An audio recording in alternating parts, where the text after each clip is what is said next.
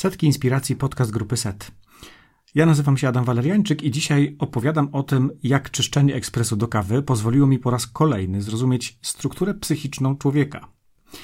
Oczywiście z przymrużeniem oka, ale też e, rolę nas, czyli pomocowców, bo tak sobie roboczo nas nazwałem. E, więc naszą rolę w pracy z ludźmi, zwłaszcza w coachingu, w takiej relacji, która jest relacją dość intymną i w której to, co zrobimy, może mieć większy wpływ na klienta niż w sytuacji, gdyby na przykład dowiedział się czegoś na szkoleniu albo nauczył się czegoś z jakiegoś kursu. Zapraszam więc oczywiście z pewnym dystansem do tego, o czym będę mówił, jak to u mnie.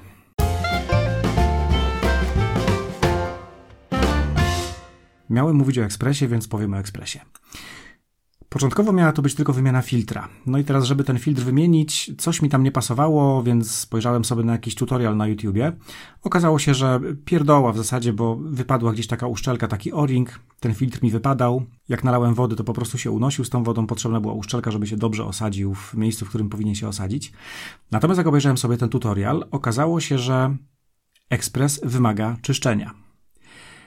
I teraz nie takiego czyszczenia, któremu fundowałem raz na tydzień, raz na dwa tygodnie, że go tam przetarłem z kurzu, wyczyściłem mu dyszę, wyciągnąłem tackę tą ociekową i tam gdzieś wewnątrz pogrzebałem. Ale okazało się, że ekspres ma tajemne drzwiczki gdzieś z boku i tam jest taka maskownica i y, takie trzeba przesuwać różne zapadki i wyciąga się wszystkie bebechy ze środka, cały brzuch mu można wyjąć. No więc jak zacząłem go rozbierać, to się okazało, że odkrywam coraz to nowe warstwy. Musiałem po prostu rozkręcić wszystko, co się da i gruntownie to wyczyścić. Skorzystałem z poradnika na YouTube, jak już mówiłem, więc można powiedzieć, że byłem kompetentny. To, co zobaczyłem w środku, mnie zaskoczyło, przyznam, i kolorami, i konsystencją. Nie chcę za dużo o tym mówić, ale naprawdę dużo się w środku działo. No i teraz, ekspres jest prosty w budowie, no, mimo że jest skomplikowany, no ale jest na tyle prosty, że mogę go sam ogarnąć, ale gdybym go w porę nie ogarnął, to prawdopodobnie musiałbym wezwać jakiegoś specjalistę i ponieść jakieś koszty. Ostatecznie być może nawet ten ekspres się po prostu zepsuł. No i teraz jaki to ma związek z, ze strukturą psychiczną człowieka? Jak wszyscy wiemy, ogry mają warstwę jak cebula. I chyba z człowiekiem jest bardzo podobnie. Teraz znowu brzmi jak Paulo Coelho.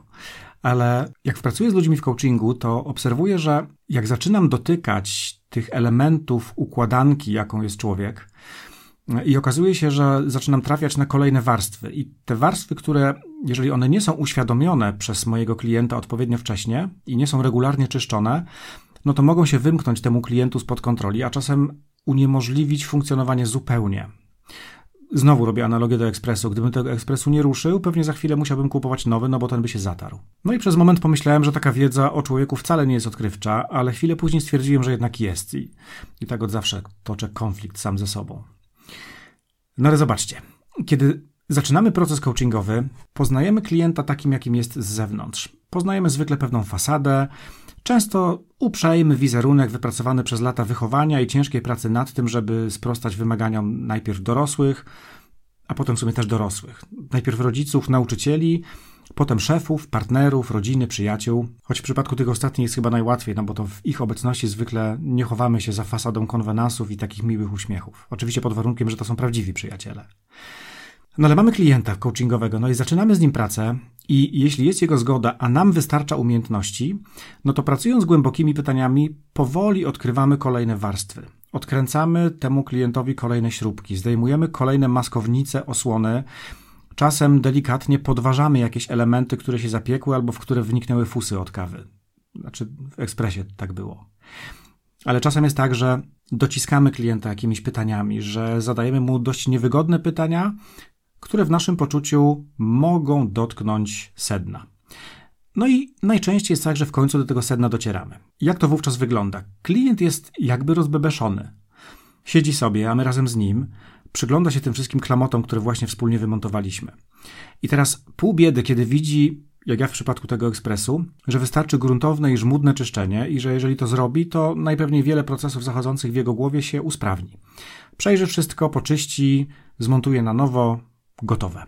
I z mojego doświadczenia i z doświadczenia wielu coachów, z którymi współpracuję, z którymi czasami się wymieniamy jakimiś informacjami, tak się właśnie dzieje u znakomitej większości ludzi, z którymi pracujemy. Trochę trudniej jest, kiedy klient nie wie, co zrobić, albo nie ma do tego siły, bo być może to, co zobaczył, go trochę przerosło. No ale wtedy możemy popracować z nim nad motywacją do zmiany, nad y, najmniejszymi, pierwszymi możliwymi krokami, które może wykonać w miarę bezwysiłkowo, żeby cokolwiek zmienić.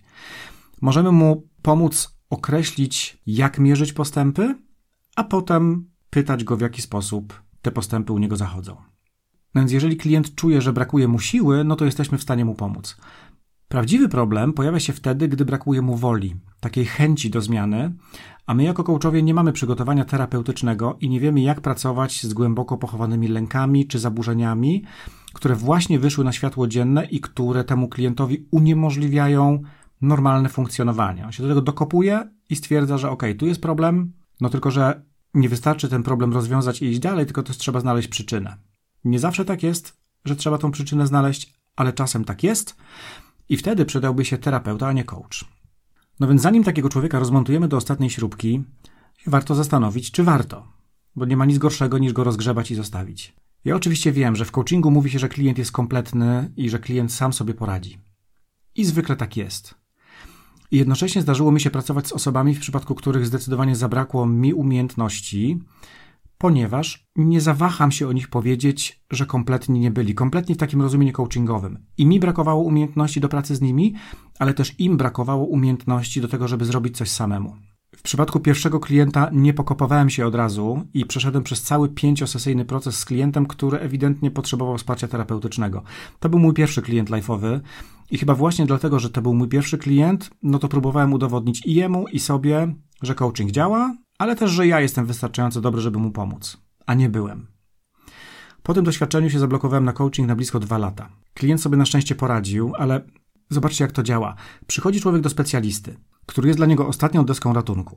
W przypadku tego klienta było tak, że on nie brał pod uwagę psychoterapii w ogóle, ze względu na przekonania swoje, na przekonania środowiska, w którym żył, to dla ludzi, którzy go otaczali, oznaczało, znaczy skorzystanie z psychoterapii oznaczało fanaberię albo słabość. No w końcu powinien sam się wziąć w garść, a nie wymyślać problemy. Coaching jeszcze jakoś się wpisywał w kanon możliwej pomocy takiej psychologicznej, e, w kontekście takim, że to jest praca nad rozwiązaniami, a nie nad nieuporządkowaną przeszłością i traumami, które mu życie zafundowało. Więc przychodzi taki klient do specjalisty i ten specjalista nie potrafi mu pomóc. Więc pada ostatni bastion.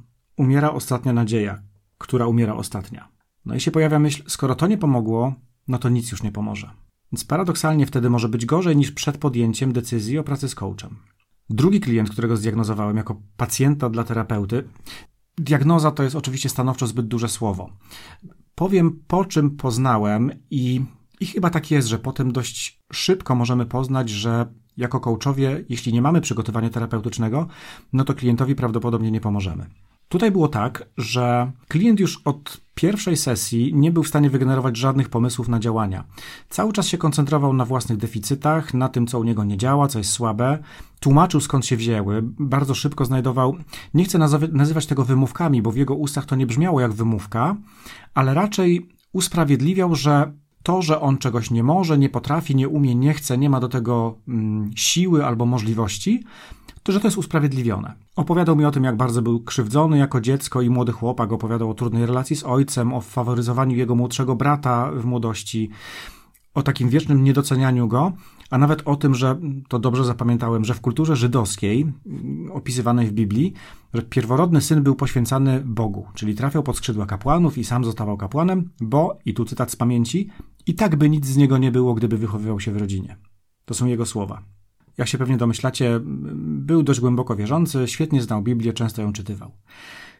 Więc na tej podstawie, znaczy nie na podstawie tego, że on czytywał Biblię, bo to nie ma nic do rzeczy, ale na tej podstawie, że każde moje pytanie ukierunkowane na przyszłość, ukierunkowane na rozwiązania, kończyło się takim dojściem do ściany i szukaniem powodu, dla którego on nie jest w stanie tego rozwiązania wygenerować i usprawiedliwiania się, no dobra Adam, ale nie mogę, bo i tutaj się pojawiało znowu wracanie do przeszłości, do relacji z ojcem, z bratem, z rodziną i tak dalej, i tak. No więc na tej podstawie podjąłem decyzję, że nie dam rady z nim pracować i już na pierwszej sesji mu powiedziałem o tym, że nie mam przygotowania do pracy z takimi problemami. Nie unikam słowa problem, jak wielu rozwojowców czy pomocowców w mojej pracy z klientami. I powiedziałem, że mu polecam kontakt z terapeutą, do którego, do którego go odeślę, którego pomogę mu znaleźć. Co się zresztą stało? Trafił pod skrzydła mm, poleconej przeze mnie terapeutki i z tego co wiem pracował z nią przez jakiś czas i wypracował nie wiem oczywiście w szczegółach, ale wypracował jakieś rozwiązania dla siebie i przepracował sobie te traumy. Dla jasności, ja nie chcę, żeby to brzmiało jak straszenie, bo to było w moim przypadku raptem dwóch klientów. Więc to nie znaczy, że się polecam poddawać przy pierwszych próbach wejścia głębiej w świat klienta. No przecież klient jest kompletny, jest specjalistą od swojego życia, więc z zasady sobie poradzi. I rzeczywiście, pewnie procentowo 95% klientów, którzy nam się trafią w coachingu, będzie takich kompetentnych, będzie takich kompletnych. Ale osobiście nie uważam, że jesteśmy specjalistami od swoich żyć. Sam również nie jestem specjalistą od swojego życia. Psychologia, nie mówiąc o coachingu, to są dość młode dziedziny wiedzy i nie dysponujemy wystarczająco dobrą instrukcją obsługi człowieka, to raz. Mało tego, jeżeli w ogóle jakakolwiek istnieje, to jest dostępna nielicznym, czyli osobom, które interesują się psychologią, które studiują psychologię, bądź studiowały psychologię, bądź mają kontakt z kimś, kto psychologią się zajmuje. Natomiast dla 80% populacji psychologia to są popularne magazyny, w których pojawiają się krótkie wzmianki o tym, jak żyć. No i niestety, biorąc pod uwagę te krótkie wzmianki, niespecjalnie możemy być specjalistami od swojego życia. Działamy bardzo intuicyjnie. Żyjemy raz, nie mamy okazji wcześniej życia przećwiczyć, więc po prostu od razu robimy to na gorąco i wychodzi nam tak, jak nam wychodzi. No więc, czy na pewno klient jest kompletny? Ja myślę, że to jest pobożne życzenie wielu coachów. I nie mówię tutaj tylko o klientach, którzy ewidentnie potrzebują terapeuty, jak te 5, a może mniej procent przypadków, ale nawet o tych, którym pomoc coacha wystarczy. Bardzo dobrze to widać na samym początku procesu, kiedy klient uczy się, czym jest relacja coachingowa. Zwykle na początku, kiedy przychodzi do coacha, oczekuje rad, potwierdzenia jakichś swoich e, przekonań, opinii o sobie samym albo o innych ludziach, potrzebuje jakiegoś rodzaju przynależności, w sensie, że jest normalny, albo że wiem, jest dobrym człowiekiem, że podejmuje dobre decyzje, czy dobrze robi. I dopiero z czasem, kiedy pyta coacha, czy dobrze zrobił, a coach mu odpowiada pytaniem, na przykład o to, no dobra, zrobiłeś i jakie były konsekwencje tego, co zrobiłeś dla ciebie, dla innych, dla otoczenia, no to dopiero wtedy klient zaczyna się uczyć i sam konfrontuje się z przejęciem odpowiedzialności za własne decyzje. I mimo tego jeszcze nie ze wszystkimi klientami to się udaje. Czasami klienci mają tak mocno zakorzeniony, chyba o tym kiedyś mówiłem, metaprogram autorytetu zewnętrznego, czyli bardzo mocna, bardzo ważna jest dla nich opinia ludzi z zewnątrz, nie ich sama, ale tego, co powiedzą inni. Więc tak mocno mają zakorzeniony ten y, autorytet zewnętrzny, że dopóki nie znajdą potwierdzenia u innych, czy zrobili dobrze, czy nie, nie mają pewności, czy tak zrobili. Coach oczywiście w takiej koszarnej wersji im tego nie powie, tym bardziej, że ma do dyspozycji tylko relacje klienta, a nie widzi efektów jego działania, tylko słyszy o tym, że takie były. No więc coach mu tego nie powie, ale może pomóc znaleźć osoby, które to potwierdzą. Może zapytać, ok, no to kto ci może powiedzieć, czy zrobiłeś dobrze, skąd będziesz wiedział, po czym możesz poznać. Nie chcę się nadmiernie rozwodzić nad taką koszerną rolą coacha. Chcę raczej, raczej zwrócić uwagę na to, że przed nami zawsze jest człowiek, i jest ten człowiek znacznie ważniejszy niż ortodoksyjne trzymanie się metody pracy, czyli w naszym przypadku coachingu. Niedawno miałem okazję popracować jakby na drugim końcu skali, czyli bez zadawania pytań pogłębiających, bez konfrontowania klienta z tym, co wie, a czego nie wie, bez poszerzania perspektywy za pomocą refleksji i wglądów, czyli zupełnie nie coachingowo. Sytuacja była taka, że nasz klient, pewna firma, zamówiła u nas badanie FRIS dla kandydata do pracy. Kandydat dostał wyniki tego badania i oczywiście za jego zgodą wyniki otrzymał również jego potencjalnie przyszły pracodawca. Zresztą pracodawca sfinansował badanie. W procesie rekrutacyjnym wcześniej ta firma sprawdziła kompetencje tego kandydata i tu się okazało, że wszystko ok, że ogarnia kompetencyjnie rzeczy, których się od niego wymagało, no ale chcieli sprawdzić również jego preferencje do pracy na stanowisku, na które aplikował. To branża IT, on aplikował na stanowisko mm, administratora danych, o ile się nie mylę. E, zależało im przede wszystkim na tym, żeby na tyle dobrze go dopasować, żeby im po trzech miesiącach nie zrezygnował z pracy. No i teraz, dzwoniliśmy się przy pomocy mojej ukochanej, w cudzysłowie, aplikacji MS Teams. No i oto, jak pokrótce wyglądała rozmowa. W zasadzie raportu z nimi nie omawiałem, bo raport jest dość e, czytelnie napisany, dość, w dość oczywisty sposób, zresztą oni samego Frisa znali, no ale chcieli kontaktu z diagnostą, czyli czytaj z ekspertem, z kimś, kto się na tym Frisie zna i kto im może powiedzieć, doradzić pewne rzeczy. No i pytają, czy ta osoba będzie dobra na stanowisku administratora? Odpowiadam krótkie tak. Uzasadniłem to oczywiście tym, że spośród wszystkich czterech stylów myślenia, ta osoba, która miała styl myślenia ultrabadacz, najlepiej się nadaje do mm, tego typu pracy. Kolejne pytanie, czy będzie dobrym menadżerem w przyszłości? Odpowiedziałem krótko nie. Oczywiście uzasadniając to w ten sposób, że no, to nie to jest może zbyt nadmiarowe, no bo jest wiele innych cech, które mogą wpływać na to, że ta osoba będzie dobrym menadżerem. Natomiast jeżeli rozpatrujemy tylko pod kątem jego stylu myślenia, to prawdopodobnie będzie mu trudno funkcjonować w roli menadżera i jako takiej, w której jest bardzo wiele zmiennych, że ta układanka jest bardzo skomplikowana, że to jest zarządzanie ludźmi, którzy są często nieprzewidywalni, bywają nieracjonalni. No jak badaczowi tam nie kliknie, to on się po prostu będzie czuł w tym niewygodnie. W związku z czym prawdopodobnie może być nie najlepszym menadżerem, albo nawet dobrym, ale niespecjalnie dobrze się w tej roli czuć. Trzecie pytanie, czy będzie dobrym mentorem? Odpowiedziałem tak. Jako badacz, jeżeli dostanie mm, umiejętności, rozwiną u niego kompetencje przekazywania wiedzy, instruowania, dawania informacji zwrotnej, więc jako badacz, czyli osoba, która ma raczej ugruntowaną wiedzę, e, przynajmniej chyba najbardziej ugruntowaną i najszerszą wiedzę spośród pozostałych stylów myślenia, będzie dobrym mentorem. 10 minut wiedzy eksperckiej, bo tyle zajęła nam cała rozmowa razem z powitaniem, problemami technicznymi, złączeniem i pożegnaniem. 10 minut wiedzy eksperckiej i sprawa załatwiona. Jestem zdania, że czasem my, coachowie, a raczej chętniej używam takiego słowa pomocowcy, że czasem powinniśmy wejść w rolę eksperta. Trochę odejść od koszerności metody, jaką jest coaching, na rzecz człowieka. Tym bardziej, że przecież znamy się na swojej robocie i tak samo jak musimy umieć wyznaczyć granice między coachingiem, w sensie kiedy możemy pomóc, a psychoterapią, kiedy nie możemy pomóc, no chyba, że jesteśmy jednocześnie coachem i terapeutą.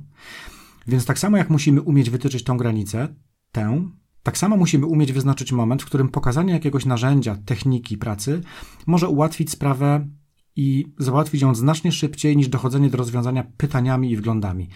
Być takim trochę tutorialem na YouTubie, który pokazuje, jak czyścić ekspres. Klient sobie z niego skorzysta lub nie, ale kurde, ja naprawdę bym nie wiedział, że ten ekspres w ogóle da się tak mocno rozmontować i że w środku może zgromadzić się tyle kawowych form, struktur, kształtów, kolorów. Tam był tam był cały ekosystem w środku. Koniec końców wyrządziłbym temu ekspresu krzywdę, bo by się w końcu zepsuł. I żadne wglądy nie pomogą, jeśli nie mam wiedzy, że coś w ogóle trzeba zrobić, no a potem w konsekwencji, jak powinno się to zrobić. W końcu po to jesteśmy dla siebie nawzajem. Nie ma człowieka, który posiada wiedzę w każdym zakresie, więc się nią dzielmy. Jeśli tylko po drugiej stronie jest ktoś, kto takiej wiedzy potrzebuje. Dla rzetelności i takiego podcastowego mm, obowiązku powiem też, żeby nie popadać w doradztwo, kiedy pracujemy coachingowo. Nie iść tak zupełnie w tą drugą stronę, bo skończy się tak, że klient nie zacznie uczyć się tego, że sam musi wnioskować, ale będzie oczekiwał od nas rad na wszystko, a my w całości przejmiemy odpowiedzialność za rozwiązanie jego problemów, dając mu narzędzia na tacy. Tak to nie działa. Klient w ogromnej większości przypadków jest w stanie sam wygenerować skuteczne pomysły na rozwiązanie swoich spraw, na poprawienie swojego dobrostanu, ale czasem po prostu utknie. Po prostu utknie. I właśnie wtedy naszą rolą jest pokazać mu: popatrz, tutaj masz młotek. Młotek działa tak. Popróbuj sobie. Jak ci się podoba? Jakie widzisz możliwości wykorzystania tego młotka w rozwiązaniu Twojego problemu? Oczywiście młotkiem może być tutaj umiejętność udzielania informacji zwrotnej, asertywnej komunikacji, wiedza zakresu etapów rozwoju kompetencji pracowników dla menadżerów itd., tak itd. Tak My, pomocowcy, doskonale znamy te narzędzia i w mojej opinii okrucieństwem jest kazać klientom wymyślać je na nowo. Oraz jest to przepalaniem czasu. Oczywiście to klient zawsze decyduje, czy młotek mu się przyda, ale bez świadomości istnienia tego młotka pozbawia się wielu możliwości, które teraz są dla niego dostępne. Podsumowując, Wierzę, a nawet wiem, bo to już mam też sprawdzone, nie opieram się tylko na wierze, że większość ludzi świetnie sobie poradzi sama, a do coacha przychodzi właśnie po to, żeby usłyszeć pytania, których sami sobie nie zadadzą. Wiem też, że nieliczni będą potrzebować terapii i rolą coacha nie będącego terapeutą jest taką opcję klientowi zaproponować. I uważam, że przy całym bogactwie i ogromnych możliwościach, jakie daje klientowi koszerny coaching, taki bardzo ortodoksyjny, Czasem warto wejść w rolę tutoriala na YouTubie, pokazać, że jest takie i takie narzędzie, pokazać jak działa, a potem spytać klienta, co zamierza z tą nowo poznaną wiedzą zrobić. Ostatecznie i tak klient zdecyduje, czy narzędzie mu się przyda, czy nie. Ten odcinek powstał głównie pod wpływem pytań uczących się coachów o to, gdzie są granice między coachingiem a terapią oraz między coachingiem a doradztwem czy mentoringiem. Mam nadzieję, że odpowiedziałem. Miłego końca wakacji, miłych wywczasów, czy gdzie tam mnie słuchacie i do usłyszenia następnym razem. Hej!